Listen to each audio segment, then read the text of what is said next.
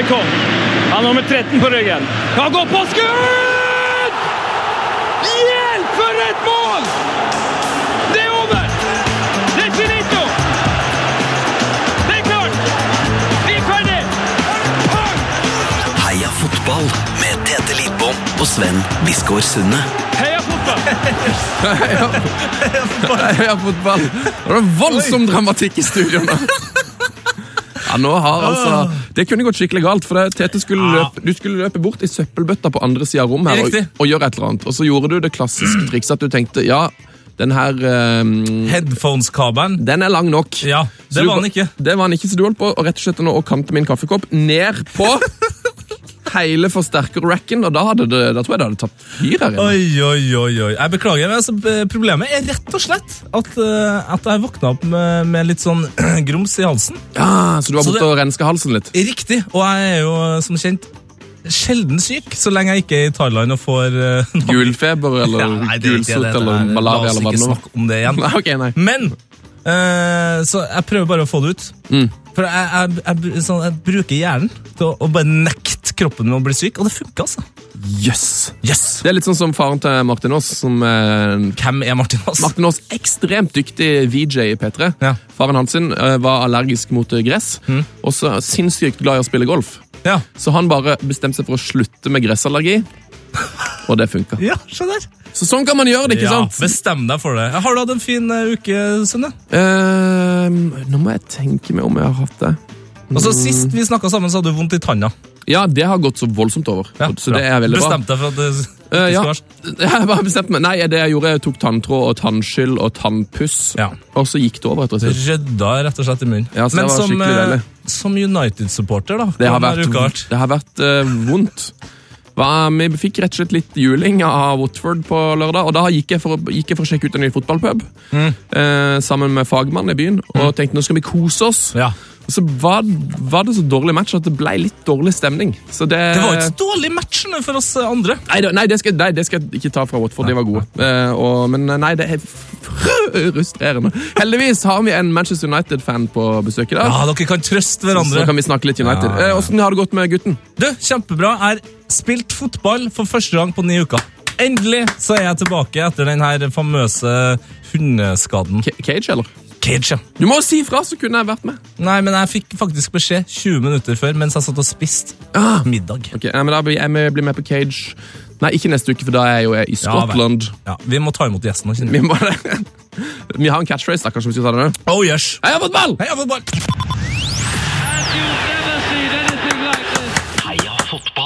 Fotball! Åh, du er gira i dag, sier Jeg er litt gira. Uh, ukas gjest, det er Nei, hvis, hvis ikke du har noe mer å tilføye, så tar vi om Neida. Okay. Uh, ukas gjest han er NRK-mann, fotballkommentator, hoppkommentator og fotballnerd på sin hals. Uh, han har vært på over 100 kamper Oi. i England, gutten. Um, han er blitt utnevnt til Arne Skeie sin arvtaker. Han har VM-finale og hoppuke som sin arbeidsplass. Og til tross for at han er altså en, av, en av de triveligste kollegaene mine i NRK-sporten, så ble han altså i 2014 eh, Jeg fikk en litt sånn kjip tittel. Jeg vil si han var Norges mest forhatt fotballpersonlighet. En liten- nok. en liten ukes tid der. Uh, ukas gjest har også overvært noe sånt som fire Champions League-finaler, og fått det ærefulle oppdraget med å fylle Norges aller flotteste sko. Christian Nilsen, velkommen til oss. Tusen takk. Eh, Norges flotteste sko, er du enig i det? Og skjønner du hvilke sko det refererer til? Ja, jeg, jeg klyper meg jo armen eh, innimellom. Jeg er en eh, helt vanlig enkel gutt fra Oslo som ikke er altfor høy og ser ganske dårlig. Og så får jeg lov til å gjøre de jobbene som jeg gjør. Det er eh, ganske privilegert, altså. Hvis det er to liksom, sporter man skal kommentere Hvis du ser litt dårlig, så tenker jeg at fotball og hopp er liksom vanskelig å følge med på. Er det, du, er det faktisk en utfordring? Kontaktlinser er gull, altså. Okay, da er det ja. det Men uten det så er jeg sjanseløs. Er det sant? Ja, rett og slett. Jeg har vel minus sju på høyre øye og minus fire på eh, venstre. Dægen, det er ganske mye, det, ja. Det er ganske mye, ja. ja. Ja, det sier faktisk, faktisk meg ingenting, annet enn at minus sju høres mye ut. Ja, det er ganske mye. ja. eh, Åssen lukter Arne Skeie sine sko? Ja, Nydelig. De lukter Ja, ja, parfyme. Eh, Du, vi, vi begynner med rivaplasteret med en gang. Vi må snakke om en episode fra 2014. Eh, hvor du over natta ble Fotball-Norges mest forhatte mann. Hva, hva skjedde? Det som skjedde, var at eh, etter at eh, United hadde blitt absolutt rævkjørt og ydmyket av eh, Liverpool, noe som er det verste som kan skje for alle United-supportere, så la jeg ut en melding i litt sånn mental ustabil tilstand, kanskje. Etter den ydmykelsen hadde vært på puben en tur, og så la jeg ut en melding hvor jeg skrev noe som opprørte veldig mange, og det var fryktelig, fryktelig dumt. Ja, ja for det, det, det, altså det her var en melding som på en måte bare spredde seg, ikke bare i Norge, men utover egentlig hele verden. Ja, den, eh, den begynte jo å leve sitt eget liv, da. Ja. Og så fant man jo ut etter hvert eh, hvordan det her ble mottatt eh, hos eh, mange rundt omkring eh, i verden. Jeg vet ikke hvor langt ut i verden eh, den kom, men det var i hvert fall veldig mye som kom tilbake til meg. Og det var en del meldinger som jeg fortjente etter å ha lagt ut noe som var rett og slett idiotisk. Jeg burde jo ikke gjøre det. Ingen burde skrive noe sånt som kan opprøre så mange. Og så burde i hvert fall ikke jeg gjort det. Nei, ikke sant. Siden Nei. du er en journalist. Ja. ja, jeg er jo det, men det er jo litt sånn at jeg er jo også bare en, en vanlig fotballsupporter. Ikke sant? Og så er man kanskje ikke alltid helt klar over hvilke roller man spiller, for i livet mitt så er jeg bare en helt vanlig gutt og en familiefar. Mm. Og så plutselig så har man jo en, en posisjon som gjør at man blir mer synlig og tydelig, og da må man jo i hvert fall være veldig forsiktig. Og det, det, var ikke jeg, og det angrer jeg veldig på.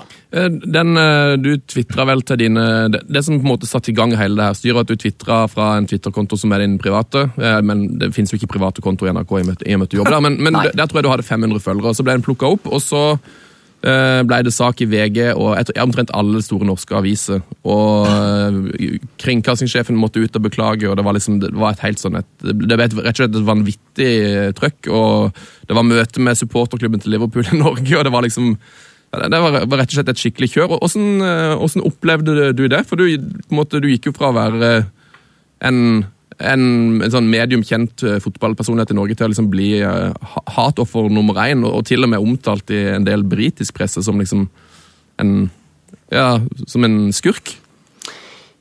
Ja, og det var et trøkk som jeg aldri har vært i nærheten av å føle. Det kan jeg love. Det har uh, satt sitt preg på meg. Jeg har tenkt veldig mye på det. Det følger meg også inn i dag. Mm. Så det var, eh, det var, en erfaring, altså, som var eh, rett og slett vond. Det er nok det vondeste jeg har opplevd, fordi man blir utsatt for noe eller kommer midt oppi noe som du ikke er forberedt på. Og det oppleves så massivt. Det føles som om når du er ute av døra, så ser alle på deg og tenker 'der er han jævelen som skrev noe sånt noe'. Ja så blir man litt paranoid, rett og slett. Og så må man jobbe med å komme ut av det etter at man har gjort det eneste man kan gjøre. Man legger seg flat, og så beklager man, og så håper man at så mange som mulig aksepterer den eh, forklaringen. Så kjenner jeg godt til supporterkultur, så jeg vet jo at det er en del som ikke kommer til eh, å gjøre det. Mm.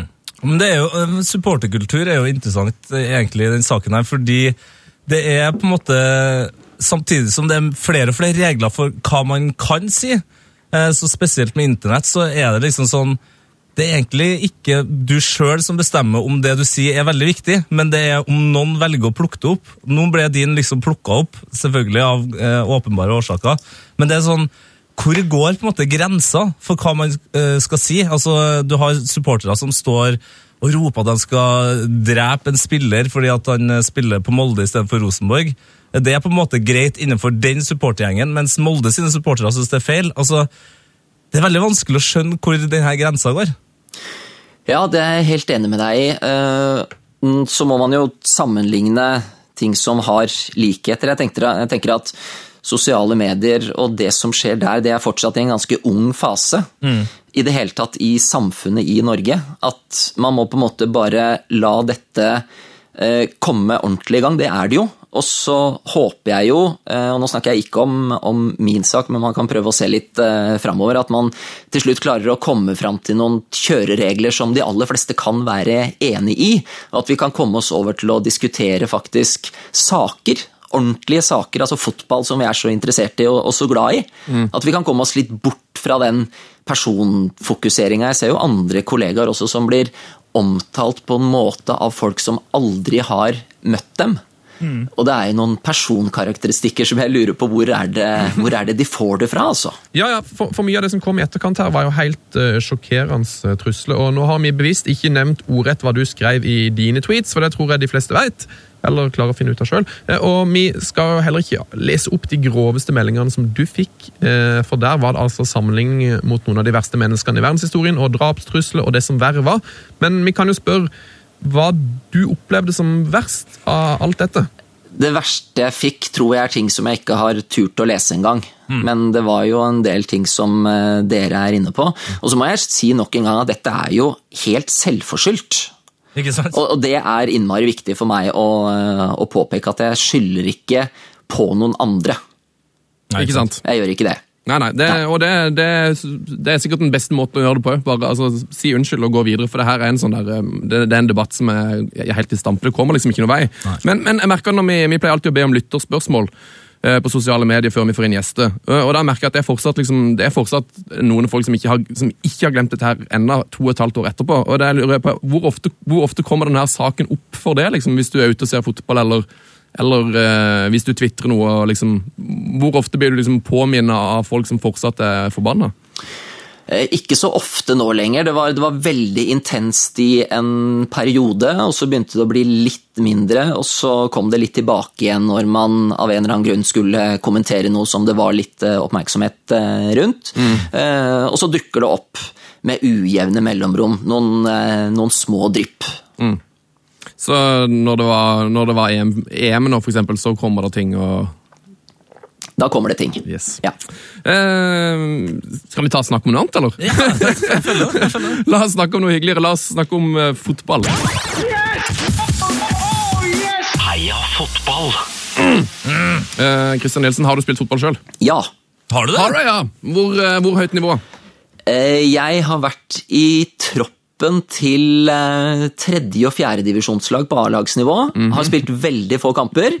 Jeg sa tidligere at jeg ikke er så veldig høy, og når du trenger gardintrapp for å nå opp til tverrleggeren, så blir du aldri noen stor keeper. Nei. Men jeg var veldig ivrig. Så du var da keeper? jeg var liten. Jeg var keeper. Å, du er en av de få Nei, var du keeper?! Du er en av de få gjestene. Altså, jeg tror kanskje Jeg klarer ikke å huske på annet enn altså, Erik Thorsvedt. da. Så, så trodde jeg vi hadde noen keepere. Nei, det har vært tynt med keepere. Men altså, vi har iallfall ikke hatt noen keepere som er så lave som det. det, det kommer vi vel aldri til å få heller. Nei, det spørs vel. Jo, Frode Lia er keeper. Eh, Jossem er redaktøren. Ja, men han er, han er kanskje hakket høyere, da? Han er, han er, han er høyere, ja. Han er litt større på alle mulige måter. Ja, ja. Så, men, hvor, men, du var veldig ivrig, så du, men da, da, må du ha vært veld, veldig spretten eller noe, hvis du klarte å komme deg opp i, i troppen på tredjedivisjonsnivå? da? Nei, egentlig ikke. Du var bare ivrig? Jeg var veldig ivrig. Ja, jeg var veldig seriøs, jeg trente veldig hardt. Jeg begynte å spille i Lyn da jeg var eh, åtte-ni år gammel. Jeg fikk ikke lov til å spille tidligere, for eh, jeg gjorde en feil å ta med mammaen min for å se noen av klassekameratene spille for Lyn. Og Da var det en kamerat av meg som ble takla litt stygt, som ble båret av banen. Og da sa min mor Elsa Nilsen det kommer ikke på tale at du får lov til å spille fotball. Ja, forferdelig. ja, så det tok et par år men eh, så fant hun ut at det går ikke an å hindre den gutten her i å spille fotball, for jeg var den som var først på eh, banen på skolen eh, når det var vår. Var først i shorts og seinest i langbukse på høsten. Og bare elska å spille fotball. Det var en periode hvor jeg ikke var så opptatt av å se på fotball. Det var spille, spille, spille, spille. Ikke sant. Mm. Men Lyn, det har jo vært tøffe tider for, for klubben. Er, er, følger du laget veldig fortsatt, eller? Nei, jeg gjør ikke det, men jeg er jo lyngutt. Altså, det, det sitter jo i, i sjela det. Jeg har spilt i klubben i, i ti år. Jeg har vært land og strand rundt for å følge A-laget i løpet av 90-tallet eh, spesielt. Da. Så mm. blir det jo noe litt annerledes nå. Jeg må jo være så ærlig å innrømme det at når man har bodd i England, når du har vært på omtrent det som finnes av kamper, store kamper i, i mange land i verden, så, så blir det noe litt annet med norsk fotball i det hele tatt, men, men særlig da med et, med et tredjedivisjonslag. Mm. Jeg stikker innom en kamp en veldig, veldig sjelden gang. Ja. Ja. For kosens skyld. Eh, jeg vet ikke hva slags følelse det er. Jeg vet ikke, det er ikke så veldig mye kos. Men eh, ja, jeg må vel si at jeg er en litt sånn eh, frafallen Lyn-supporter, men det er det som er klubben min. Og jeg, jeg gråt mange tårer eh, for Lyn da jeg var eh, liten eh, guttunge. Så jeg husker spesielt da Lyn rykka ned etter at de tapte 7-3 for Brann i Bergen i siste serierunde. Og så sto dommeren da fram i avisa dagen etterpå og sa 'sorry, Lyn', fordi han ga et straffespark til Brann feilaktig helt mot slutten av kampen. Hvis det hadde blitt 7-2, så tror jeg jeg hadde fått kvalik. Det er sånn jeg husker historien. i hvert fall. Wow. Herre min, altså. Tungt. Og så kan du fortelle en liten Arne Skeie-kobling til. da. Ja. Fordi Arne har en eh, sønn som heter eh, Arne Vegard, eh, og han var også keeper. Han fikk for øvrig nye keeperhansker nesten hver eneste uke når Arne var i England og kommenterte tippekamper. Så Arne, Arne Vegard var litt helt for meg. Han var ett år eh, eldre enn meg, og Arne var til tider trener for Arne Vegards lag. Oi! Oh, Tenk deg Arne Skien som trener. Tenk deg det. ja. Er han, er han òg lyngutt?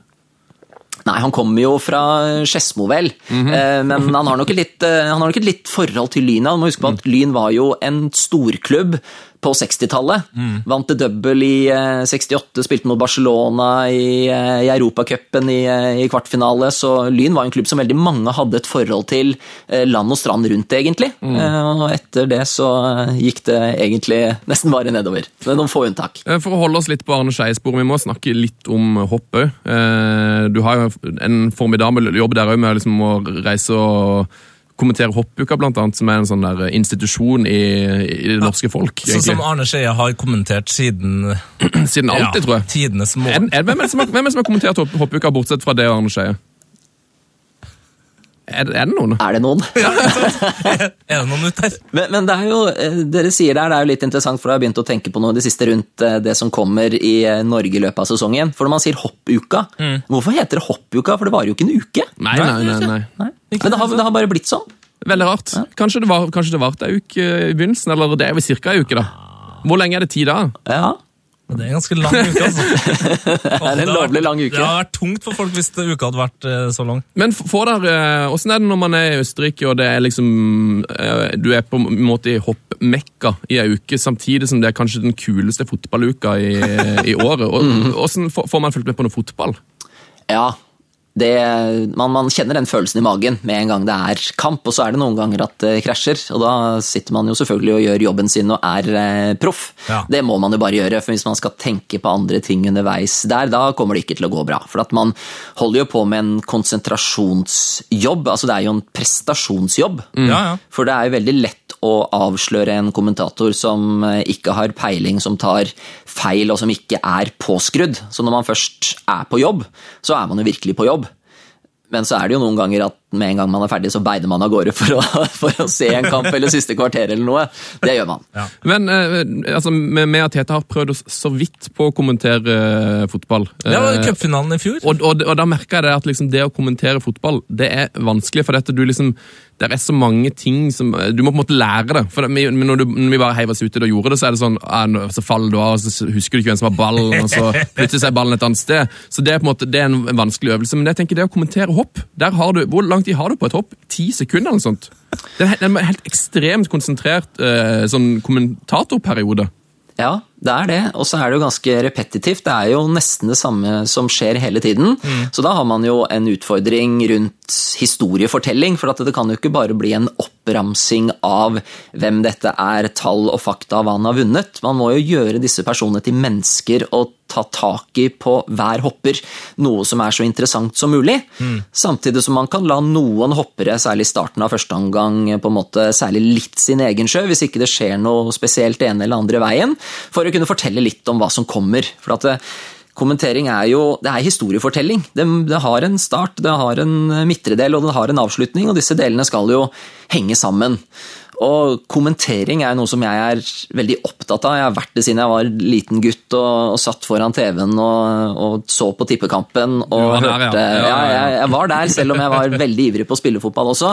Men eh, jeg satt jo og, og tenkte og hørte og, raste mot eh, kommentatoren. Nei, jeg trente ikke så mye, altså, det, er det, det er det andre kollegaer som kanskje har gjort. Men eh, jeg, jeg raste en del mot kommentatorer da jeg var liten, så jeg har jo hatt et veldig bevisst forhold til kommenteringsyrket, hvis du kan kalle det. Det finnes jo ikke noe fasitsvar. Nei, ikke sant? Og så er det veldig subjektivt. Noen syns en kommentator er kjempegod, mens andre syns at den samme er helt ræva. Og sånn er det jo. Men samtidig så tenker jeg at det, ligger noen kjøreregler i bunn for hva som gjør noe til en god kommentatoropplevelse, og noe annet til en litt mindre god kommentatoropplevelse. er min påstand, da. Jeg var på, faktisk på et eh, foredrag med Jo Nesbø i helga. Eh, og han fortalte noe veldig veldig gøy om dette her med hopp og dramaturgi. For det, Jo Nesbø er veldig opptatt av hopp. Ja. Og han har faktisk vært i møte med Walter Hofer eh, med tanke på å liksom lage mer dramaturgi rundt hopprennene. Altså, Walter Hofer har leid inn Jo Nesbø. Jo Nesbø hadde eh, kontakta en eller annen i hopp. Han kjente en eller annen hopp, hopp, hopptopp i Norge. Ja. Eh, og bedt om å få en lunsj med Walter Hofer for å spille inn noen nye ideer. har, du, har du hørt den historien, Christian? Ja, det har jeg også snakka litt med Jo om kommentering Yes! og dramaturgi og oppbygging. Som, som Jo sa at eh, han kan, jeg kan ikke så mye om hopp, eh, men jeg kan en ting eller to om historiefortelling. Ja, det var og det, jo, det, det var veldig ydmykt, men Jo er en utrolig fin og ydmyk type, som også har veldig sånn poengterte innspill hvor du liksom merker at han våkner, og så tenker du ja, det er bra. Ja, hva- og når man har en ressurs som han, Ja. så hadde man vært idiot hvis man ikke benytta seg av det. Hva er det han, vil, eh, hva er det han ønsker å forbedre med hoppsporten? Sånn dramaturgisk. Ja, han, han vil jo ha eh, en mer bevisst oppbygging rundt hver hopper, og også en konkurranse. Sånn at det ikke bare blir det her 'velkommen', bla, bla, bla, den og den hopperen, den og den vant, fint, ses neste helg. Men f.eks. den grønne streken som har kommet i bakken, som gir en god indikasjon på hvor langt hopperne må hoppe for å kunne ta ledelsen med tre ganger 18 i stil, det er jo et forslag som Jo har hatt Ah, og lignende ting som det. Eh, Og han vil jo gjerne at man kommer tettere på hopperne. For ofte så er jo skihopper bare en eller annen eh, En tynn, tynn kis med hjelm, som du egentlig ikke vet hvordan ser ut. Så det å gjøre disse personene til mennesker, komme tettere på, og få fortalt de historiene som du ikke har hørt før, og som gjør disse personene til mennesker, og ikke bare statistikk, det er noe som han er eh, veldig opptatt av. Ja, han- hadde et, eh, det, som det som jeg tror var hans viktigste sånn, eh, triks som han ville gjennomføre nå, det var at, når man, at man skulle bruke lengre tid Han skulle liksom bruke idolmodellen på å dele ut uh, poengene.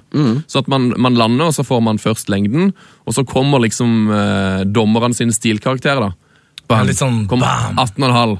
Og så, Ikke sant? og så 1 18,5 til, og så er det sånn Ok, nå, må han, nå? Ja. må han faktisk ha 19 fra den siste dommeren for å vinne, ellers, så- Ja, ellers så ja, ja, taper han med 0,2 poeng. Og så er det bare sånn 17,5.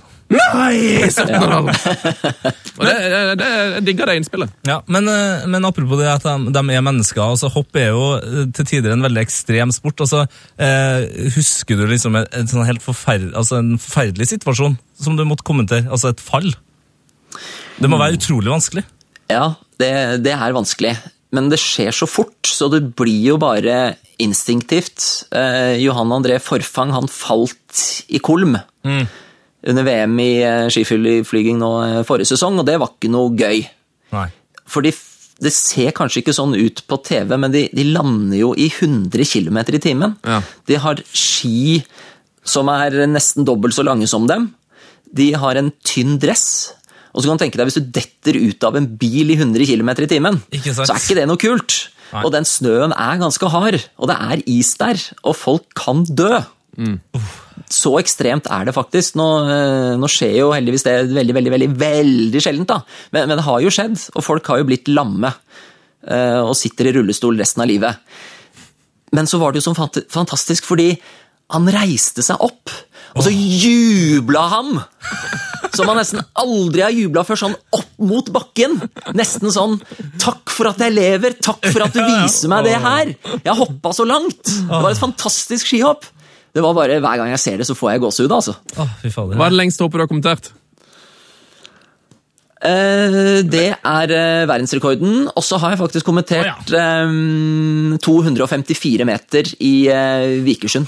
Å, fy fader. Men det var fall, så det ble ikke godkjent. Jeg har vært på toppen av den bakken, og det er altså det er, Når du ser det på TV, så ser det svært ut, men det er jo helt Ja, det er beyond, Det er altså. så ufattelig svært. Ja, det er 500 meter fra der hvor du står på toppen ned til enden av sletta. Det er vilt, altså. Det er helt At de tør. Det er helt idiotisk. Ja. Vi har fått inn et veldig fint lytterspørsmål fra en av våre favorittlytterspørsmålstillere. Ja, stillere. det er Torstein Ryer, Ryen Pettersen stiller, uk- ukentlig spørsmål.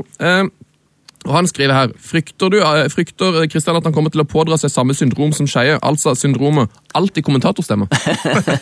Eh, Veldig hyggelig at dere stiller akkurat det spørsmålet. Det er ikke sånn vi går rundt og, eh, og snakker, altså. Men eh, nei, man må jo være forsiktig, for man blir jo, man blir prega av den jobben som man har. Det blir en livsstil. Men jeg, jeg, jeg ser jo for meg at når jeg er 65 år, så sitter jeg ikke i en liten kommentatorbu i en hoppbakke, altså. Du, du tror ikke det? Nei, da ligger jeg på en strand. Da ligger du på en strand. Telle, telle penger. Fra, Du, eh, fra Christian Nilsen til Christian Strand. Si. Oh! oh, Der er det god. Eh, Hvis du måtte velge hopp eller fotball? Fotball. Fotball. Ah, godt. Å, det, var, det var godt å høre. Eh, Så stemmer det at uh, din kone er en uh, stor Tottenham-supporter? Ja, stemmer. Jeg var på kamp nå sist i eh, helga, faktisk. Ja, mot Sunderland? Ja, Ja, altså, men Hvordan er det hjemme, da, hvis dere får sett f.eks. for eksempel United-Tottenham? Er, det, altså, er dere skikkelig Tottenham-foran, eller? Så lenge United vinner, så går det veldig bra. Nå har de ikke gjort det de siste kampene, da, så det har vært litt kjipt. Men eh, det, det går veldig bra. Ja, det gjør det. Det gjør det, altså. Eh, Men sånn i starten av eh, forholdet så vant United nesten hver gang, så det var jo eh, veldig greit. Ja, for hun er, hun har litt runde kantene på det. Ja, hun Det er det, altså. Ja. Og så har vi jo vi har jo to barn også, eh, og særlig hun eldste, hun er eh, snart sju år. Hun begynner jo å få interesse for fotball. Ja. Men eh, hun eh, har hatt litt trøbbel med måten det noen ganger oppføres i sofaen underveis i kamper, så det gjør jo at man blir mer bevisst på hvordan man oppfører seg, da. Hvordan, hvordan syns hun, det er hun er rart at pappa er er på TV-en og snakker? Skjønner hun at det er rart, eller er det på en måte vanlig for henne? Nei, Det er hun vant til fra hun var bitte liten, så det er på en måte, det er bare jobben til pappa. Ja. Ja. Men har, du- får hun lov til å velge lag sjøl, eller er det Hva tror du? Nei, det må jo være Det er vel et visst rødt press her. Nei, vi, kan si det sånn at hun har både Tottenham og United-drakt. Ja, men det er jo men hvis, Så hvis eh, United kommer seg litt igjen nå, så er- ligger hun jo veldig godt an. Da, så da kan hun bare velge en av de beste lagene. Jeg, jeg tenker jo at dette løser seg av seg selv. Ja, Eh, Du, du er relativt åpent om, om at du er United-fan til å være fotballkommentator, syns jeg. Eh, mange som velger å liksom holde favorittlaget sitt eh, hemmelig. Eh, hva, var, hva var på en måte dine eh, valg rundt det å være åpen om det? Ja, Det er en interessant problemstilling som det heller, heller ikke finnes noe fasitsvar på, eh, tror jeg. Det er jo Altså, verden er såpass åpen at det kommer ut uansett. Jeg tror de aller fleste som er interessert i fotball, vet hvilke lag som eh, de eh, de fleste kommentatorer holder med. Det er ikke alle som vet det. Jeg vet jo at eh, noen som holder med ett lag, får meldinger fra dets lags supportere om å slutte å vise antipatier mot det laget. Ja. Så det kan jo også skje, men jeg syns det viktigste er åpenhet. Og særlig vi som jobber i eh, NRK, vi er finansiert av det norske folk. Og da syns jeg at vi har enda større krav om åpenhet på oss. Og det, det hadde ikke vært noe hemmelighet hvem jeg hadde holdt med.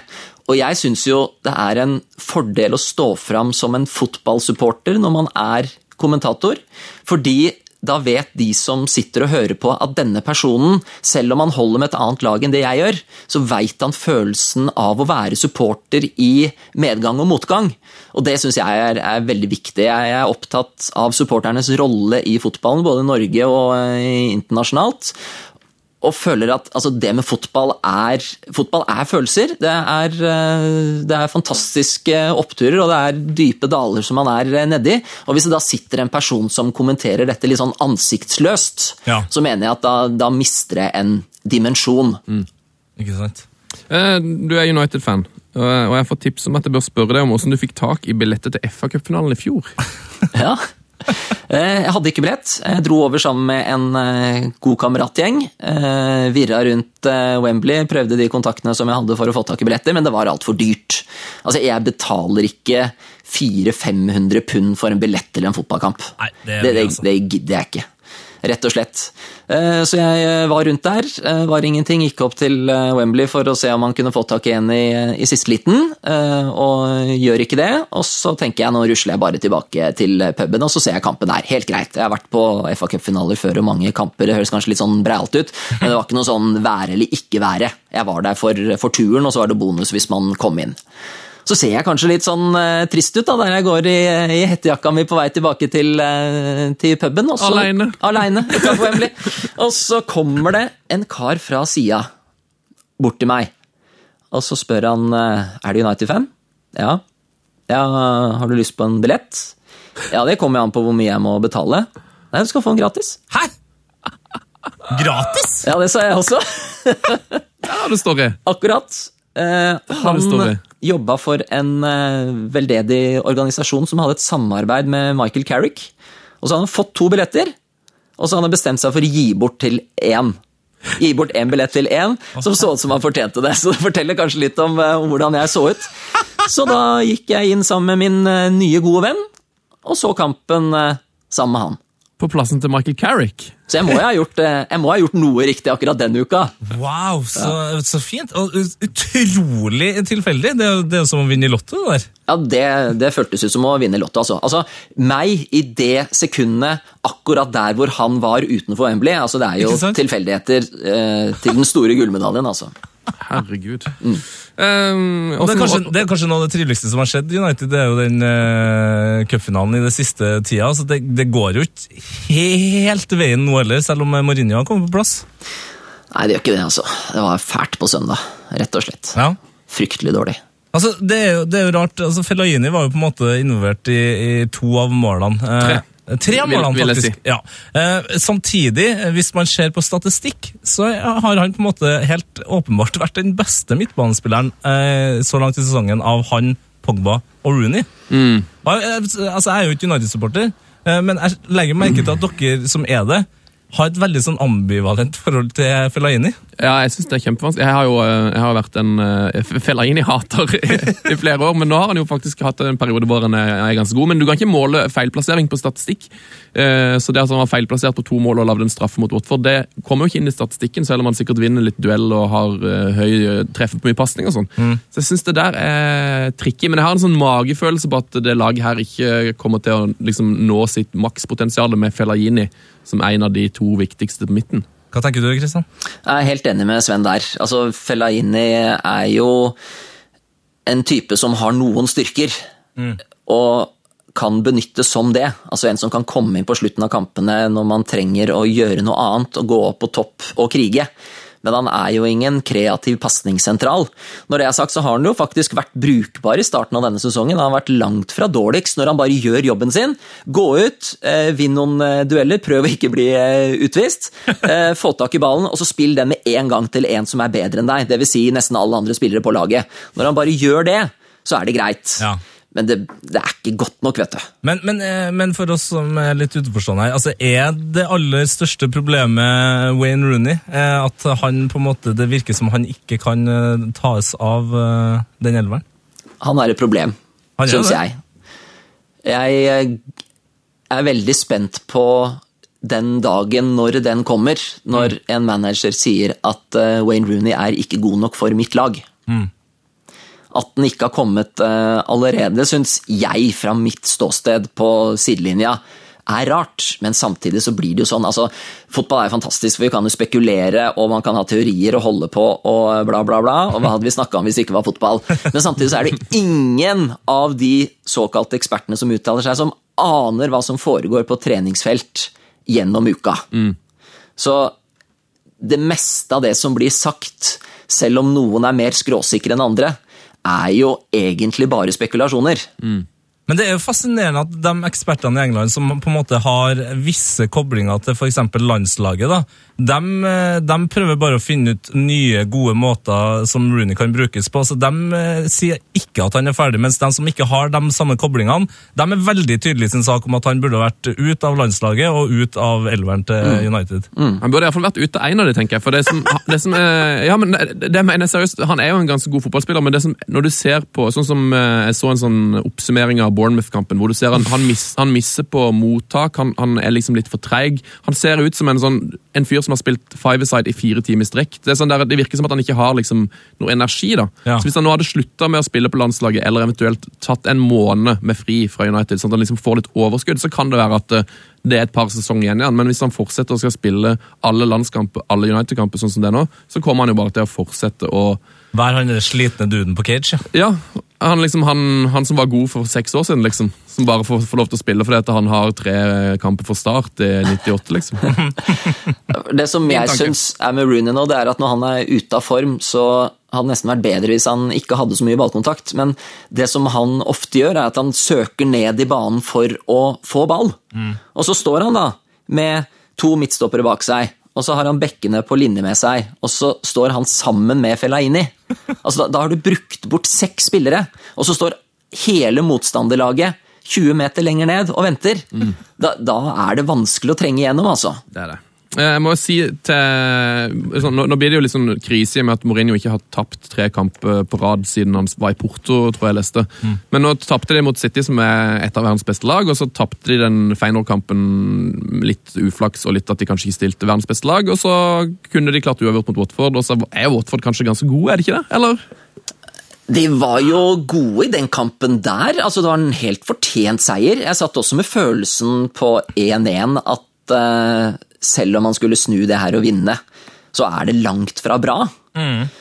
så Watford vant det der eh, helt fortjent, og så er jo skåringen som kommer mot og den straffesituasjonen altså det, er bare, det er bare rystende. Det skulle jo ikke være mulig på det nivået der å gjøre så enkle feil. Hei, Fellaini. Eh, Men man må jo også si det at de tre første kampene Man fikk jo ni poeng, men resultatene var jo bedre enn prestasjonene.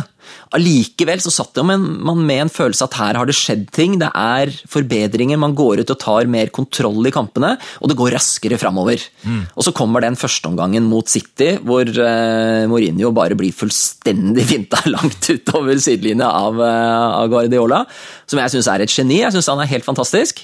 Uh, og etter det så har det bare gått nedover. altså Den Feyenoord-kampen var jo også ganske svak. Og Watford-kampen var grusom. Eh, ta et lytterspørsmål fra Christian Norstad. Eh, Christian Nilsen, Hvor mange meldinger angående uttale av spillernavn fikk du under EM?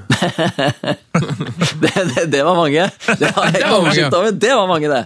Herlig fred. Både du og Karina Olseth fikk vel eh, Ja. Ja, Tom han får mye, vet du. Og Tom òg, ja. ja. Men han blir nesten litt sånn buffer for meg, for han er jo også ganske aktiv eh, på Twitter. Jeg holder en, en litt lavere profil. Ja. Eh, Men Tom han eh, får jo mye, men han elsker det jo. Han sitter jo bare, han Han sitter jo bare og ler. Han, ja, han, blir- han syns bare det er kjempemorsomt. Men, men, men altså det, det ble jo satt veldig mye fokus på det før EM, eh, hvordan navnene skulle uttales. og alt sånt der. Og, men hvordan føles det da når, når du liksom eh, velger å si Pep i stedet for PP, som alle sier? Altså, har du egentlig lyst til å si PP? Nei, Nei?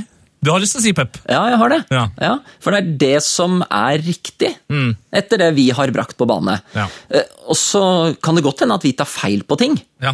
Eh, jeg, tar feil, jeg tar feil mange ganger hver dag, jeg. Eh, så kan det godt hende at vi tar feil på, på ting også, men før dette mesterskapet så gjorde vi en så grundig jobb vi kunne gjøre for å nærme oss korrekt uttale.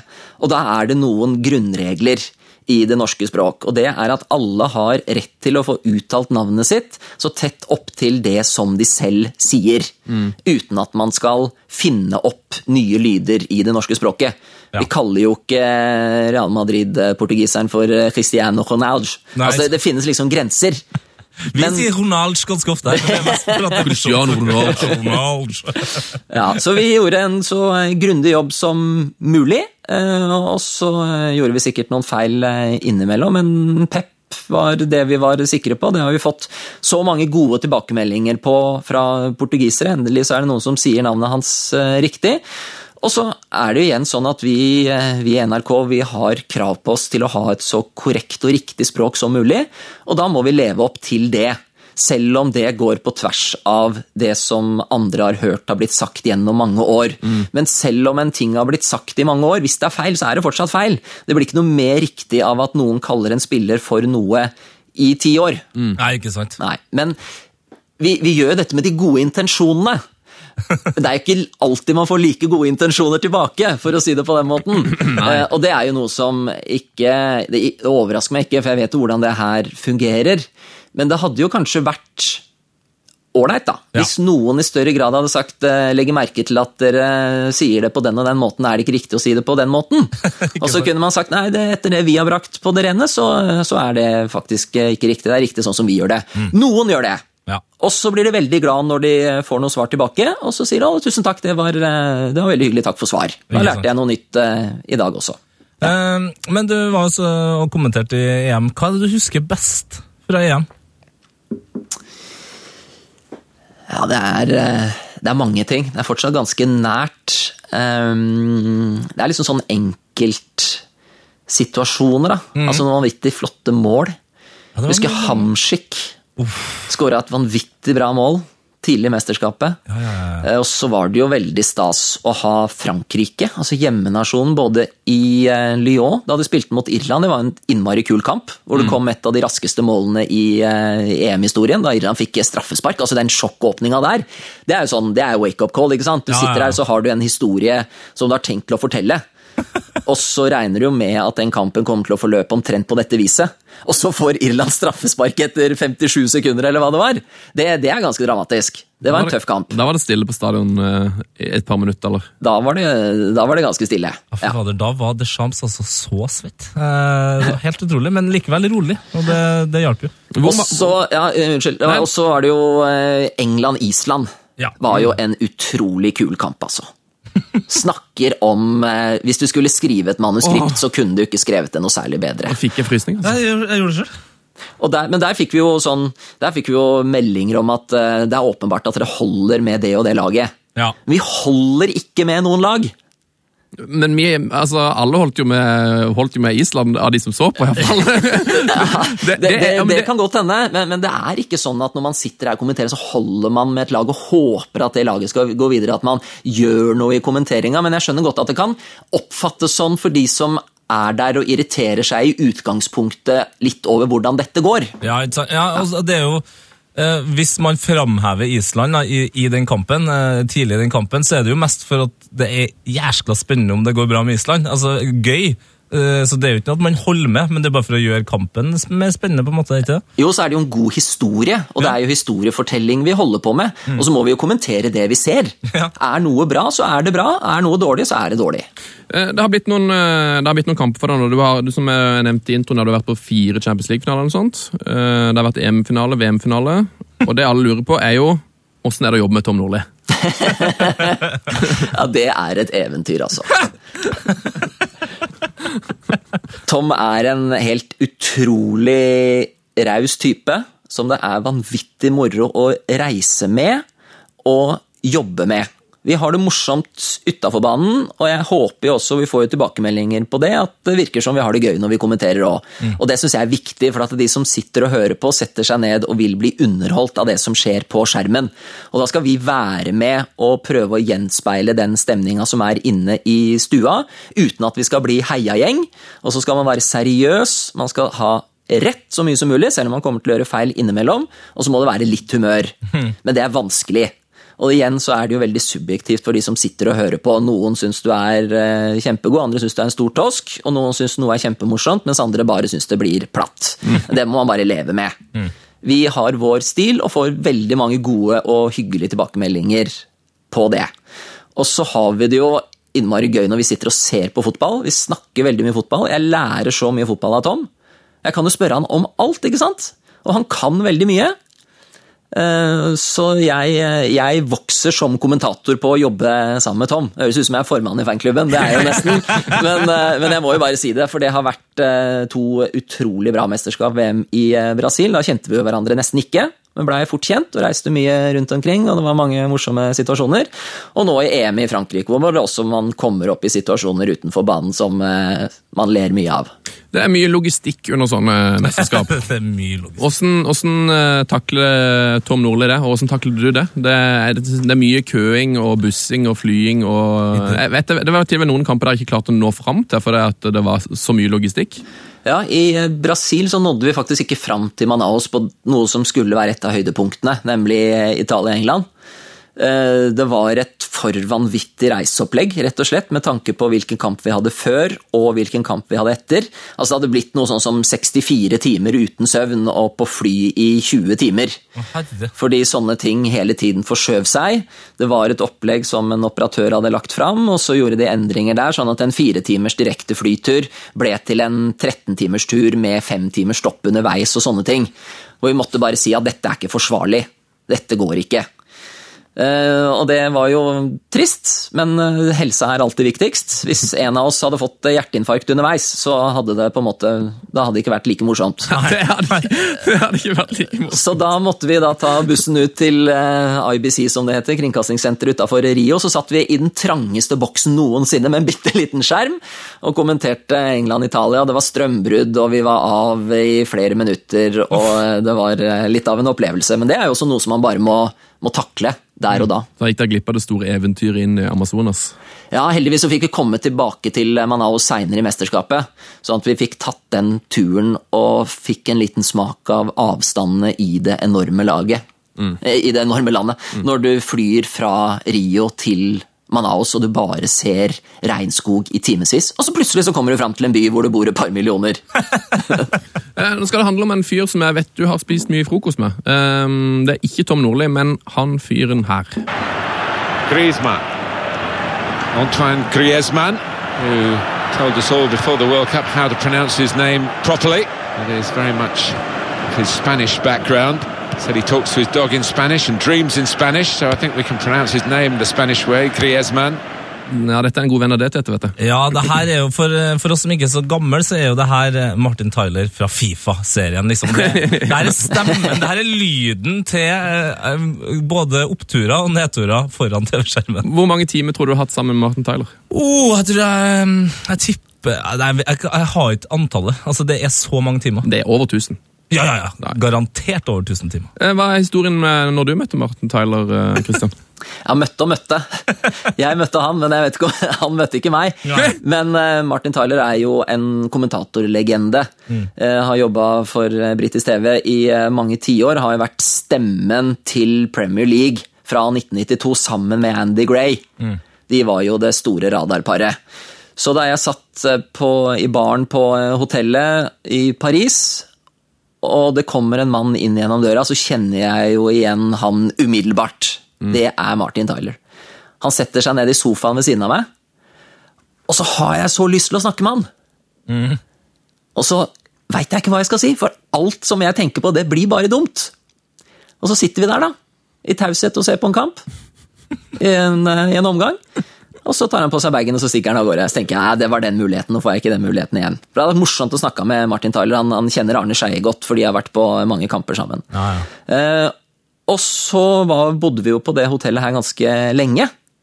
Og hver gang jeg satt og spiste frokost, så kom selveste Martin Tyler gående forbi og satte seg ned i nærheten. Så jeg fikk sett Martin Tyler veldig mye, og fikk lurt veldig mye på hva jeg skal si.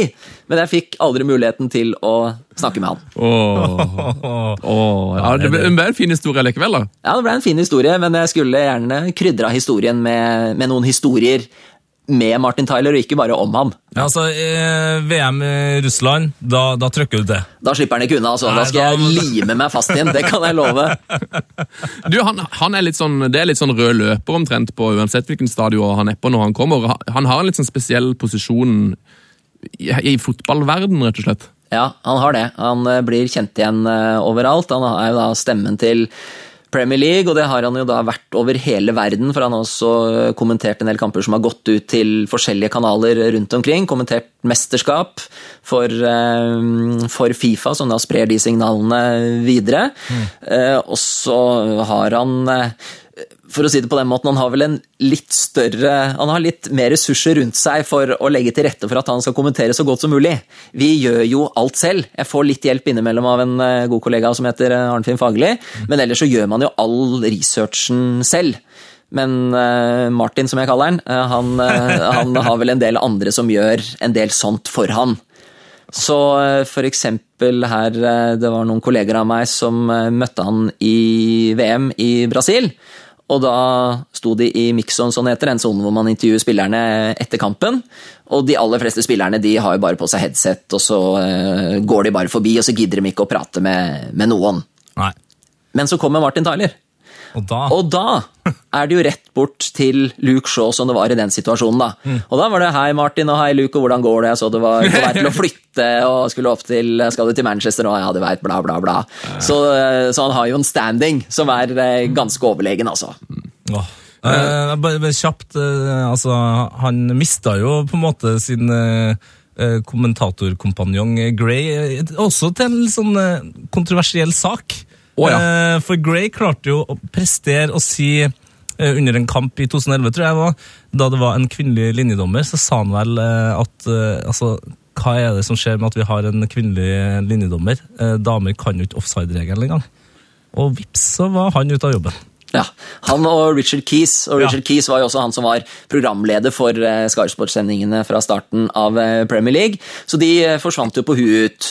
Så blei de ansatt av en kanal nede i Emiratene, da. Mm. Så det var vel Det gikk vel greit for dem, tenker jeg. Ja, der, der er vel det synet på kvinner litt uh... Der gikk det greit. Ja, det, Ja, Der ble de møtt med åpne armer.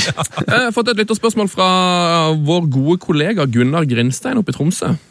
Oi! Ja. Han spør, eh, spør om Kristian skal spille grilla, spise grilla tørrfisk i Tromsø på onsdag.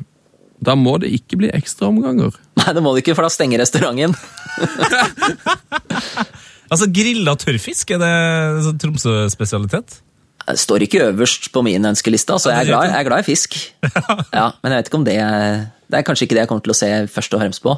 Nei. Men, Nei. men du skal jo opp til Tromsø og, og kommentere Tromsø-Rosenborg i cupen nå? Ja, en liten uh, turnering uh, nå, en liten turné. Uh, Ja. Først til Tromsø, og så til eh, Kongsvinger, Kongsvinger eh, Sandefjord i, i cupen. Det er kult. Hvem tror du, hvem, Hvilke to lag er det som ender opp i, i cupfinalen i år?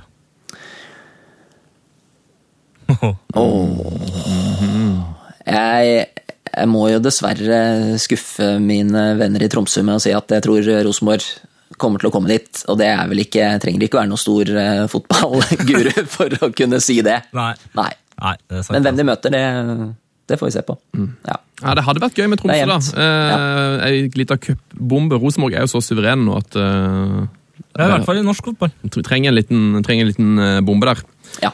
Eh, skal vi ta noen flere lyttespørsmål til? Har du noen du vil gjennom, eller skal vi løpe til ukas drømmelag, da? Mm, nei, jeg, jeg hadde et, men jeg finner det ikke. Kanskje jeg tar det etterpå. Heia fotball! Uh, ja. Herregud, tida flyr. Tida flyr. Tida flyr. Eh, vi skal jo rekke drømmelag og Glory Hall før Kristian skal gå om sju minutter. Det kommer jo aldri til å gå. Nei. Eh, men eh, vi rekker iallfall et drømmelag, eh, Kristian. Vår faste spalte hvor, hvor lytteren har med seg noen, noen spillere de er glad i. Eh, og da kan vi kanskje komme inn på din favorittspiller her òg, antageligvis. Eh, Ja. Jeg jeg regner med du har med noen spillere du er glad i på dette laget, hvis ikke du har gått for et, et morsomt temalag. Nei, eh, jeg gikk for det sportslige, og så gikk jeg for spillere som jeg har sett i eh, min levetid. Så det er ikke noe eh, Altså, det er ikke noe, det er ikke noe Pelé og Eusebi det ikke og eh, Puskas, Puskas og sånne ting. Nei, det er liksom det, Når du ikke har sett dem spille, så syns jeg det blir litt rart. Men folk får gjøre hva de vil. Ja. Men eh, skal jeg ramse opp eh, mitt lag, da, eller? Ja, Få start, få start i mål, da. Ja, Der er det bare én mann, og det er Peter Schmeichel. Yahoo! Ja, der, ja! Ah, the Danish Giant. Han innførte en helt ny standard for hvor god keepere skal være. Ja, Han innførte også en, en ny standard for hvor langt man kan kaste presist. Det gjorde han også. Jeg mener at Han var en sånn, han var en sånn grensesprenger. Ja. Én mot én, kast, kommunikasjon med Forsvaret. Eh, fantastisk. Gøy, Det finnes veldig mange gode keepere, og de som spiller i dag, noen av dem er også eh, briljante, men Schmeichel han innførte noe helt nytt nå, føler jeg. Nydelig. Eh, formasjon. 4-2-1-3. 4-2-1-3. Ja, det er fin, jeg. Okay. Mm, ja. Ja. På høyrebacken, da. Cafu. Åh, Mann man med to hjerter. ja. Det er vel et uh, Ferguson-sitat, tror jeg. Jeg lurer på om det er det. Jeg tror han rundspilte Manchester United noe så voldsomt i Champions League en gang. Ja. sprang Sprang noe utrolig mye. Ja. Midtstoppere. Paul McGrath og Japp Stam. De skal ikke bli lett å, eh, å skyve på, altså. Har du sett Paul McGrath eh, kun på TV, eller sett han i levende livet? Eh, bare sett han på TV. For en legende av en fotballspiller. Ja, for en, altså, bare en, et så vanvittig talent. Sånn dessverre pga. knærne og at han er litt for glad i å eh, drikke alkohol. Litt! Ja, bare litt. Ja. Litt glad i alkohol. Ja, nei, men, men for en type. Og jeg, jeg husker jo med, med Japp Stam eh, et strekk fra Inter-kvartfinalene i eh, 99, i trebelsesongen, hvor Ivan Samorano han går bakover, og så møter han et eller annet. Og så gir han litt sånn albuer bakover, og så det han møter, går jo ikke noe sted. Det blir jo bare stående, så snur han seg. Så ser han liksom bare inn i brystet til Japp Stam, og ser opp på han, og tenker at oh shit. Rygga inn i et hus. Ja. Så McGrath han blir eh, festansvarlig sammen med en annen som vi kommer tilbake ja, sammen med et par eh, andre her som vi kommer tilbake til. For det er, det er et sosialt bra lag også, altså. Ja, det er viktig. Ja. Nå, vi er inne på Stam. Du, du var på Champions League-finalen i 99, eller? Ja. Herlig fred. Sto bak mål da Ole Gunnar eh, Sto bak mål? Bak det målet. Ja. Å, herre min. Fortell.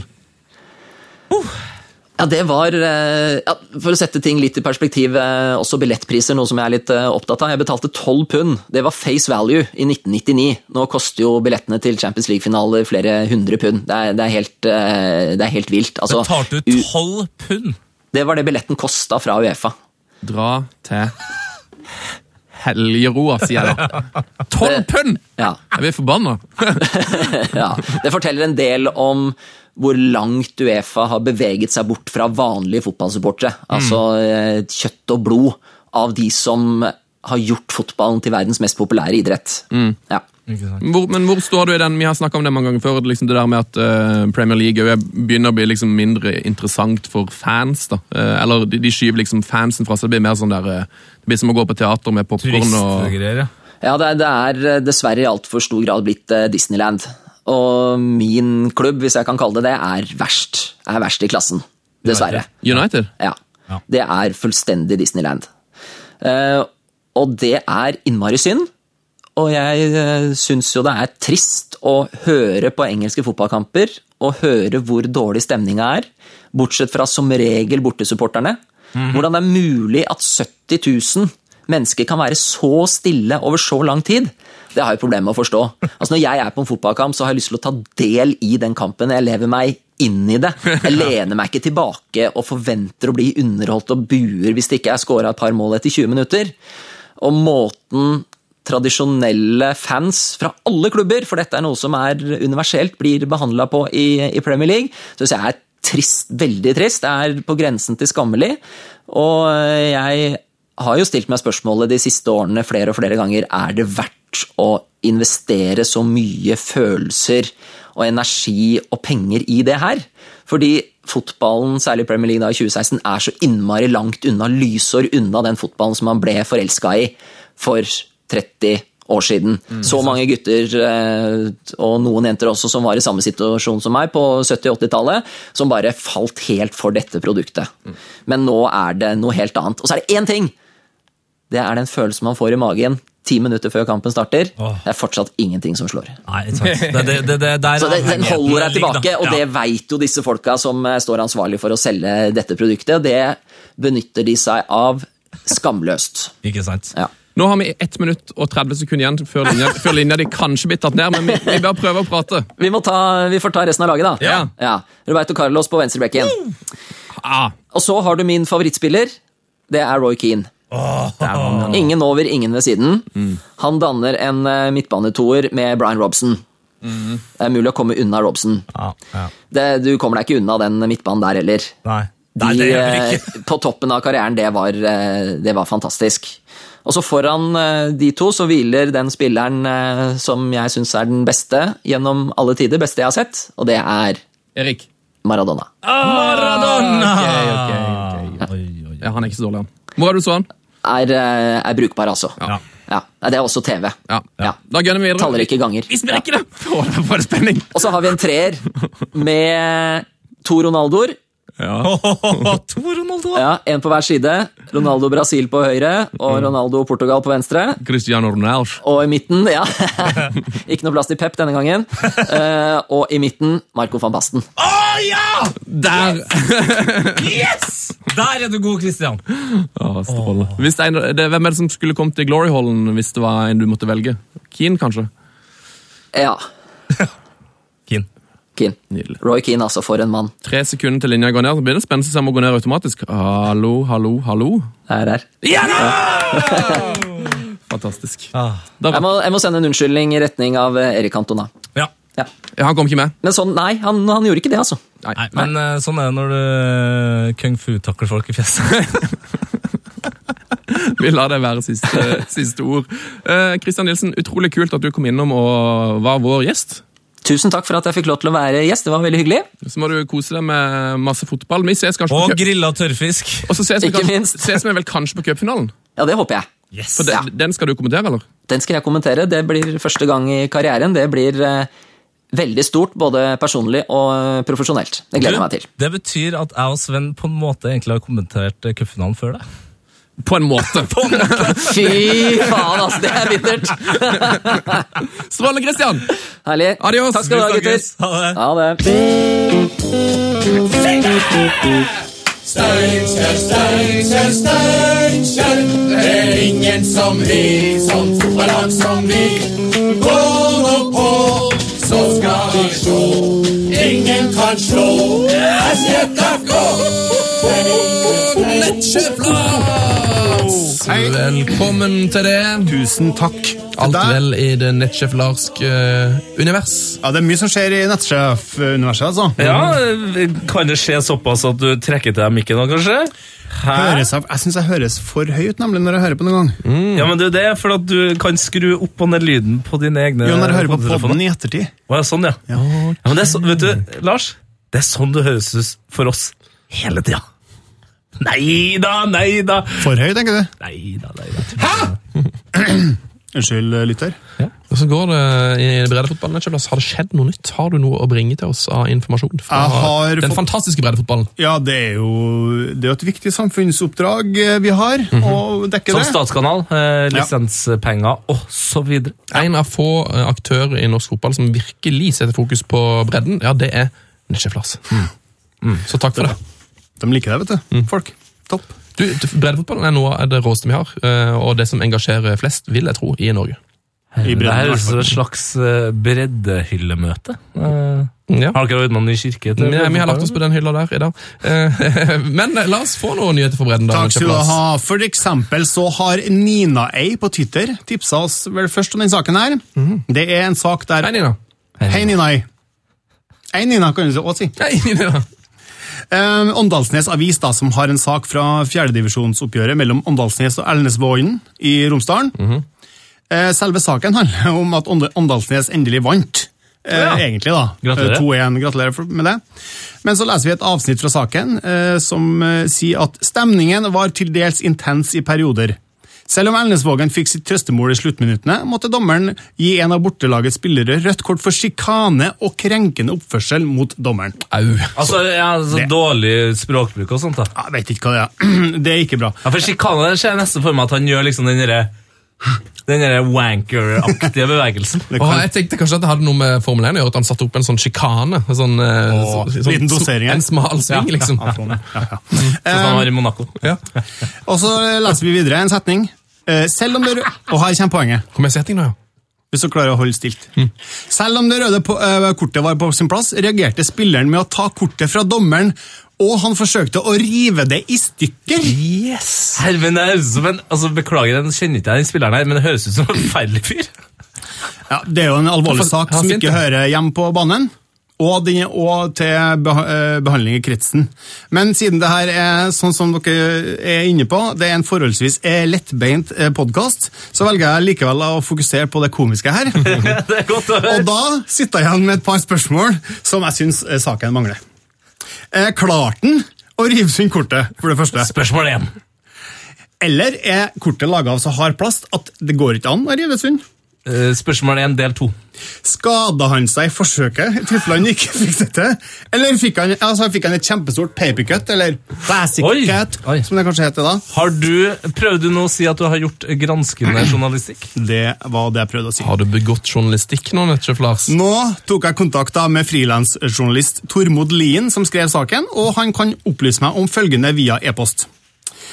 Vedkommende spiller fra Elnesvågen klarte ikke å rive i stykker rødkortet. Fordi det er laget som et parkeringsgebyr som heller ikke er mulig å rive i stykker. Parkeringsgebyr. Parkeringsgebyr? Ja, og grunnen til at den sammenligner kortet med et parkeringsgebyr kommer her. Som også kommunens eneste parkeringsvert har jeg sett flere som har forsøkt å gjort det samme med det gule gebyret på Vinve. Pa parkeringsvert? Oh, ja, er det det, der, det gule, litt sånn plastikkaktige Den nye lappen man får. ja. De bøtene du får på Ja. Vinnesruta? Aldri fått p-bot, så jeg vet ikke, men jeg tror det er cirka samme, ja. Ja. At, eh, å rive stykker et parkeringsgebyr eller rødt og gult kort på fotballbanen er nytteløst. Ja, ja, ja, ja, ja. Og så spør han litt fleipete kanskje dette burde endres for lettere å få ut sin frustrasjon. Ja, jo, ja, nei. Ja, Men, eh, ja.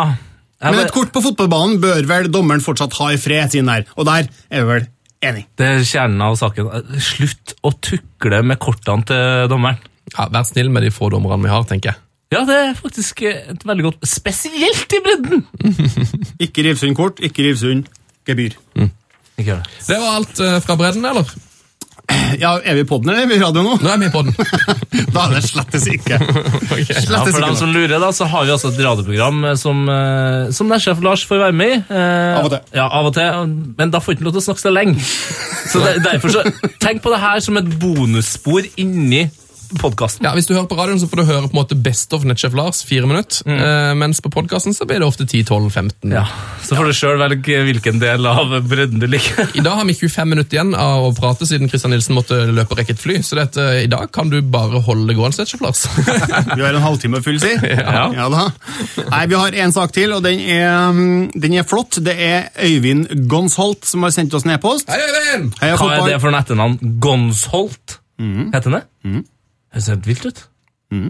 Med Z, eller? Nei, med S. GONS. Gonsolt? Mm -hmm. Jeg kjenner en som heter Gonsolt. så for meg er det ikke så rart, men kanskje det er rart man har, ikke har hørt det. Som en tysk, eh, romersk eh, Ja, du tenker på general. Gonzalo- Du tenker på Gonsolt-journalistikk?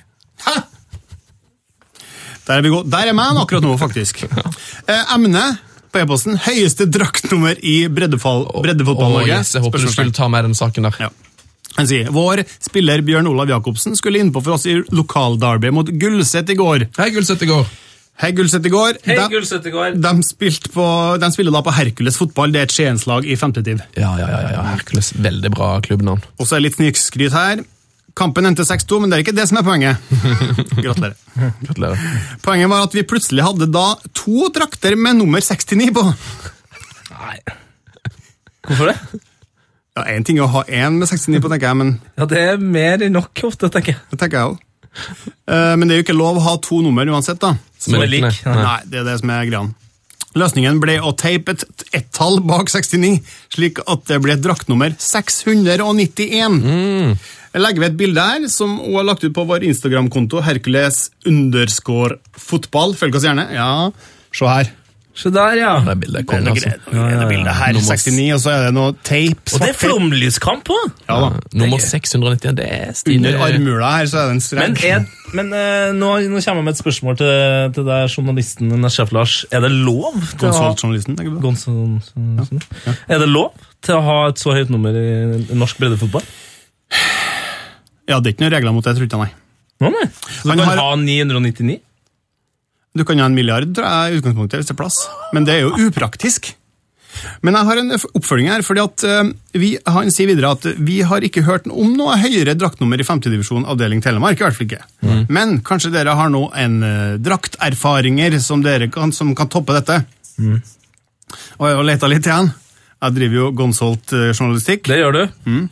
Eh, og det største jeg har funnet da, eh, i verden, i ever, det er målvakta Viktor i Mineiro. Mineiro, Atletico Mineiro. Mineiro i Brasil. Ja, Brasil. Ja. Det er øverste nivå, kanskje, til og med. Ja, det tror jeg kanskje. det er, I hvert fall i 2005 så spilte vi nummer 2019!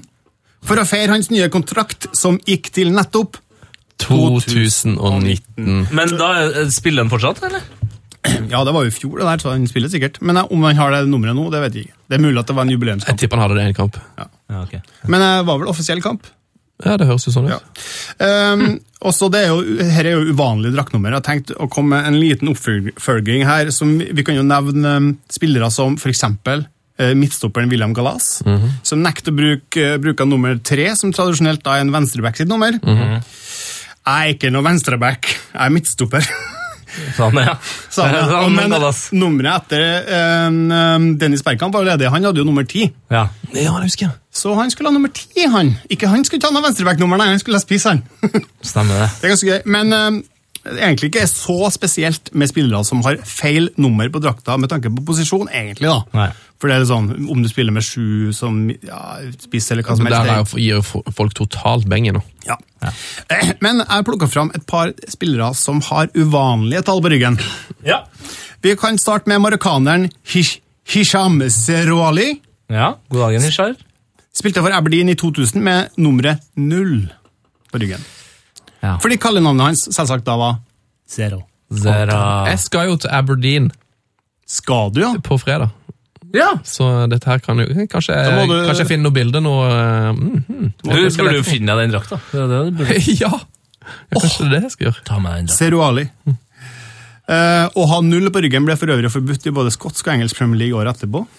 Det var for mange som hadde det. Det var vel, Nei, det var ingen. for fleipete, tenker jeg. De på hull burde jo hatt null. Hull. Null hull. Ja, tenk Markus Henriksen, liksom. Null hull. Og Kan vi gratulere Markus Henriksen? eller? Ja, la oss. Nei, vi- nei, vi må- Åssen er det med, er det med klappe? En, to! Bra. Gratulerer, Markus Henriksen. Veldig gøy at han uh, fikk Skål i debuten. Å, hadde assist òg! Ja, assist og kyssfeiring. Kyssefeiring. Rødt. Eh, awesome. Eh, Bedriftslaget til Tannlegeforeninga som har null hull, egentlig. Uh, en, en, en neste spiller, Derek Riojan i Hibernian i 2008. Ja. Han ville ha nummer ti, som selvsagt var opptatt. Han klarte å overtale klubben til å snu tallet og spille med 0-1 0-1. på ryggen. Du, han her tror jeg faktisk vi fikk tics ti- ti- tics tics om. Fikk tics om? Hva sa du? Jeg tror vi fikk tics om. Fikk tics om for, for ikke så lenge siden. En siste kreativ variant, og den er jo ganske kjent. Chileneren Ivan Zamorano. Ja, Ja, vi, På har ja, vi har akkurat snakka om, det. I dag. Ja, Vi snakka om det på radioen for en stund siden. Ja, ja. Ja, vi- Skal vi gjenta det sånn kjapt, eller? Ja, gjør det. Ja. Han eh, ville jo komme til Inter, men nummer ni var jo eh, i bruk av fenomenet Eh, Ronald. Ronald. Men nummer 18 var ledig, så Samorano, Samorano festa et plusstegn mellom tallene, slik at det ble én pluss åtte, altså ni til sammen. Ja, for deg som fortsatt har barneskolematte. Det er for kreativt, men her tenker jeg at spørs det om går det over en grense når du begynner med spesialtegn som pluss. Ja. Hvor skal den? Å, er det noen som har, tror du noen som har gått for eh, desimal? Altså 1, komma 1,01, liksom. Nettopp. Eller for eksempel dollartegn, bare. Hvilke spesialtegn ville dere hatt? Å, jeg er veldig glad i ett-tegnet. Altså ikke Player number alphacrull! Nei, det ah, Nå må jeg jo lære dere ett-tegnet, vet du. Ja, og det òg. Det er òg-tegnet, det. Ah, fk, tenker du på? Ja, og det ligner jo litt på et åttall. Men det er latin og Ja. ikke ett som Du i kunne engelsk. spille med 91, for eksempel. 91! Etter litt bom. Ja. Hvor spiller jeg på Etiad? Ja, nei, Kanskje vi skal klappe sammen for i dag? Vi må avslutte! Tenk deg å gå og spinne litt videre på det der. Enn hvis du er for eksempel artist, fotballartisten tidligere kjent som Kevin Prince Boateng. Du snakker ikke høyt nå i det hele tatt. Andre som blir som eh, et hus bakpå, eller penis. Jeg ville Vet du hva jeg skulle gått for? Kors på halsen, ti kniver i hjertet om mor og far i døden. Ha det. Post og brevet, post og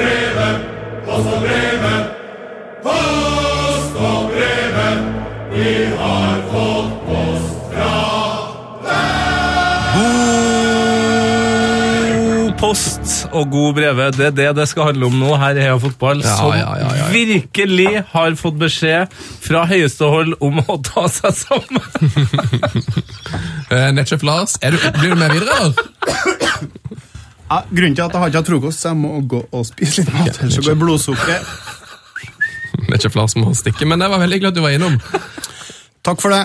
Um, det, jeg tenkte faktisk at det var digg at vi kunne ta litt uh, post og brev. Det er jo altfor sjelden at vi får gjort det, for da, i det siste så har det blitt så mange lange intervjuer, for vi har hatt så flotte gjester. Ja, Men i dag så måtte Kristian Nilsen gå litt tidlig, så vi rekker et par uh, post og brev, rett og slett. det gjør vi, og du har forberedt deg, du, Sven.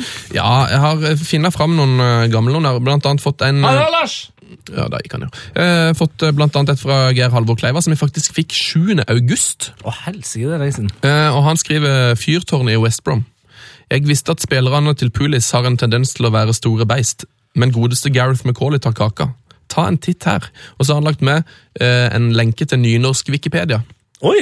Og I august så sto det på nynorsk Wikipedia at Gareth McCauley han var 2,56 nei, 2,65 høy. Oi. Det er veldig Men han er jo en midtstopper som skårer Han skårer ganske mye. Ja da, ja. Jeg har han på mitt fantasy-lag. Har, har du han på ditt? Jeg har han nå, men jeg skal kjøre wildcard eh, denne uka. Nei! Jo, Skal du? det skal jeg, så da tror jeg fort at han uh, kommer til å ryke. Uh, vi har jo fått et veldig fint eh, brev fra Sindre Solberg. Ja. Og han har jo sendt en, eh, en brev i samme kategori. Hvor man, finner, hvor man finner feilinformasjon på Wikipedia. Det er jo Det er alltid like gøy når det man er, kjenner ikke, det. det er ikke sjelden det skjer innen fotballen. Men um, du har kanskje sett den, vi har delt den på vår Instagram-konto. der at vi er P3 Heia Fotball. Mm. Og det er uh, Wikipediaen til James Milner. Ja. Hames Miner. James Milner. En av våre favorittspillere. Ja, en spiller som uh, For en helt fantastisk spiller. Han er jo god til alt. Absolutt alt. Eh, han er bare 30 år gammel, tro det eller ei. Ja. Det er litt som at uh, Vet du hvor gammel Alexander Pato er? Uh, han er ung, han er sånn 27 eller noe sånt. 26 år. Helt sjukt. Eh, nei, James Philip Milner uh, han ble født 4. januar 1986, ifølge Wikipedia. Det stemmer nok. Han, han ble født i Worthley i Leeds i England. Han er ca. 1,75 høy. Men så kommer det som, og som, og som er faktisk er sant, men som ikke helt sant. Og Det er nemlig playing position. Hvor på banen spiller James Milner? Ja. Der, der ville jeg kanskje skrevet midtfield eller noe sånt. Jeg ville, jeg ville nok ha sagt uh, defense and midfield, jeg tror. Her er noen som har kost seg og bare skrevet 'playing position', everything. Everything! James Milner kan spille alt. alt. Absolutt alt. Det stemmer jo på en måte litt. Jeg har ikke sett han i mål, men um, tipper han hadde gjort en OK Han hadde, han hadde gjort det bra i mål. I tillegg så tror jeg han hadde vært en god trener. Mhm. God linjemann. Og Er det én spiller jeg kan tenke på som hadde gjort det bra som dommer, så er det James Miner. Yes. Eh, har du fått noe brev du har lyst til å Nei. ta med deg, Tete? Ingen. Da har vi, eller vi skal jeg synes det her er litt interessant, for jeg har, jeg har vært litt eh, slem og fæl denne uka. Du har øh, øh, vært litt Eller vært frustrert. Ja, men du eh, Av og til, Sven, du er jo en veldig positiv fyr, men av og til så henger du deg opp i ting. Ja. Og du lar det søder meg ikke gå før det har gått for langt. Altså, Du henger deg så voldsomt opp at folk blir lei. Ja, eh, altså, jeg, jeg satt og så Manchester United Northampton eh, denne uka. Ja. og Wayne Rooney var så dårlig at eh, jeg begynte å tvitre om det, og det gikk kanskje, det gikk kanskje litt langt. Ja. Det var, jeg tror vi snakket 10-12 tweets om hvor dårlig jeg synes Wayne Rooney var. Ja. Eh, Og han var Og du altså, er jo United-supporter, og det må gå an å slappe av litt, tenker jeg. ja, men altså, jeg må si det, han var altså så hinsides ræva den kampen. Ja, okay. det, var, det, det var sjokkerende å se på. Men, um, men i alle fall, det, det er en, en veldig hyggelig lytter som har tatt kontakt med oss på Twitter eh, på direct message. Uh, altså, han vil kanskje ikke at navnet hans skal, Ja, ja. skal gå ut her, men jeg kan i hvert fall si hva han, hva han skriver for noe. Han heter Jon. Eh, han skriver til Sven. Stor fan av deg og heia fotball, men må si jeg er litt skuffa her jeg sitter. Har full forståelse for eh, at det er forsøk på humor, men denne Rooney-håningen går ikke helt hjem hos meg. Mannen har fantastiske stats, virker som en hyggelig fyr og er en legende av definisjon. Ut ifra hva jeg har forstått, eh, er du United-supporter som meg. Som United-supporter tenker jeg at man skal stå bak spillerne og støtte de fullt ut. Slik overdreven latterliggjøring av egne spillere for Liverpool-fansen tar seg. Jeg valgte å sende deg denne meldingen siden du virker som en kul og grei kar, og derfor ikke bør synke så lavt ned som jeg mener du har gjort i kveld. Med vennlig hilsen Jon. ja. Hvordan, hvordan, eh, hvordan reagerer du der, Sven? Han har et voldsomt godt poeng. Han har gode poenger. Som United-fan så skal, er jo litt av poenget at du skal jo Du er jo fan av laget. Det er jo greit, du trenger ikke å være liksom det Men mm, altså, kjærligheten for laget må jo komme først. Ja. Og så hvis du ikke liker en spiller, så får du på en måte leve litt med det òg. Ja, men det er bare det at um, Det som jeg, det som jeg syns eh, på en måte eh, forsvarer det litt, da, det er at Rooney har faktisk vært så dårlig nå. Uh, I det siste. ja, de siste over det siste året, egentlig. Han hadde hatt en liten OK periode i fjor vår. Ganske dårlig i EM for England. Vært helt katastrofal i noen av de kampene i begynnelsen av den sesongen. Har du sett den videoen med bare, som, Det er noen som bare klipper sammen alle feilene han gjorde mot Bournemouth. Ja. Ja, ja, jeg har sett den. Er, den er lang og vond som et uh, vondt, Det er to og et halvt minutt med feilpasninger og dårlig, touch mottak og bare uh, han tøtt, ja, det, det, uff, Men- men- det er men Sven- men vondt Sven- og trist å se på. Men, men uh, altså det, Wayne Rooney er ikke den som uh, kaller seg sjøl opp til den engelske landslagstroppen. Det, det er jo ikke han som uh, uh, sier at ved siden av Memphis Depay i dag, så er det Wayne Rooney som dukker opp. Det er jo managerne. altså, det er altså Fangal, eller Fangal. Mm. Eh, og det er Mourinho, Mhm. eh, og det er La oss ikke si etternavnet, men det er en Roy da, eh, Ja. på det engelske landslaget. Og Sam Allardyce som har gjort det. Ja. Kanskje det er dem du skal rette hatet ditt mot? Ja, og det, det, Det er jo dem som lar han spille. Ja, det er sant, og det, og det syns jeg er rart, for altså, han er jo altså så dårlig. Som, som, men som jeg òg skrev i noen av mine tweets, jeg syns jo, liksom, jo først og fremst synd på Rooney. For det, virker som han det virker som han prøver, men det virker bare som han er helt tom for energi. Ja, Det er Som at han rett og slett ikke orker å løpe mer for at han har spilt for mye. Han, har ja det som han spiller om, jo til, ja, som vi snakka om tidligere. Ja. ja. Så det er liksom et eller annet litt sånn trist med, med hele situasjonen. Mm. Men så må jeg jo si det. Jeg syns jo noen av de tweetsene jeg hadde, var litt gøye. Greit, uh, få høre noen. da. Eh, vil du høre en? Ja. Um, Kan altså, jeg høre to? Eh, ok, uh, må, altså, eh, kom, Først kom jeg sånn, ah, Rooney er så dårlig at det, det er vel komisk. Og så skrev jeg til slutt, for å være litt hyggelig med Rooney, må nevnes at Rooney er i verdenstoppen på uengasjert lunting i boks. Han er god på det. Og så en som jeg, altså, som jeg liker veldig godt, United har nå The Special One i Mourinho. Og så mener jeg at de, også har Rooney som er The Special Ones. Hæ? The Special Ones. Ah, special ones, ja. En gang spesiell. Yes! Ikke noe lenger. Det gjelder vel kanskje også for Mourinho da, akkurat nå. Eh, Ja, de kan ha det samme. Så da kan du også si the special ones. Dobbeltbetydning. Mhm, De to spesielle som har vært spesielle gang. Yes! Der var du god! Rooney og Mourinho. The special ones. Ja, Og så um, og så, ja, nei, jeg synes, jeg synes Når jeg ser, ser gjennom tweetsene nå, jeg syns ikke de var så slemme. Nei, men nå lurer du deg unna. Kan du bare ta imot kritikken du fikk fra Jon, og skjerpe deg litt? Grann? Nå har vi faktisk snakka om det i poden tidligere òg. Mm. Det må gå an å oppføre seg litt på Twitter. Sven. Ja, Det er jeg helt enig i. Ja. Men jeg synes ikke det var Og jeg ville aldri gjort Jeg tror ikke jeg ville gjort det her mot en norsk spiller. Det er noe et eller annet med at Rooney er så langt vekk, og han, altså, han kommer aldri til å lese dette. Han kommer aldri til å, Og han får mye verre ting. Ja, det tror jeg på. Tror jeg. Så Nei, men jeg kan eh, Jeg skal faktisk ta skjerp meg. Det er ikke noe vits. Det, det, det, Du, vet du hva jeg ønsker meg? det ødela kampen, jeg ønsker kampen, meg? det ødela kampen for meg òg. Ja, men vet du hva jeg ønsker meg? At uh, Blå ballong. den referansen er 350 år gammel. Ja, det er han. Det er en sang, det beklager det er en sang som ble laga før de fant opp grammofon. Ja. Ja. Men det jeg ønsker meg, det er at når eh, United spiller mot Leicester eh, nå på lørdag, Mhm. så skal du komme med minst tre positive tweets eh, om Rooney i løpet av kampen. ja. Er det greit? Det Er det en avtale? Det er en avtale. Det er en avtale? Selvfølgelig. Tre Yes. positive Rooney-tweets. Ja. Minst tre positive om det han gjør på banen. Mm. I den kampen. Men er det positivt å si sånn Å, yes, Rooney er mindre dårlig da? Nei, det, nei, det er ikke positivt. Ja, nei, skal... God involvering fra Rooney! Mer av det her. Jeg håper jeg finner tre. Tusen takk til alle som sender inn uh, post og brev til oss. Det setter vi helt sjukt stor pris på. Fortsett gjerne med det. Vår e-post er heiafotballkrøllalfa.nrk.no. Og jeg må bare få lov til å si helt til slutt beklager. Det var døvt. Det var det.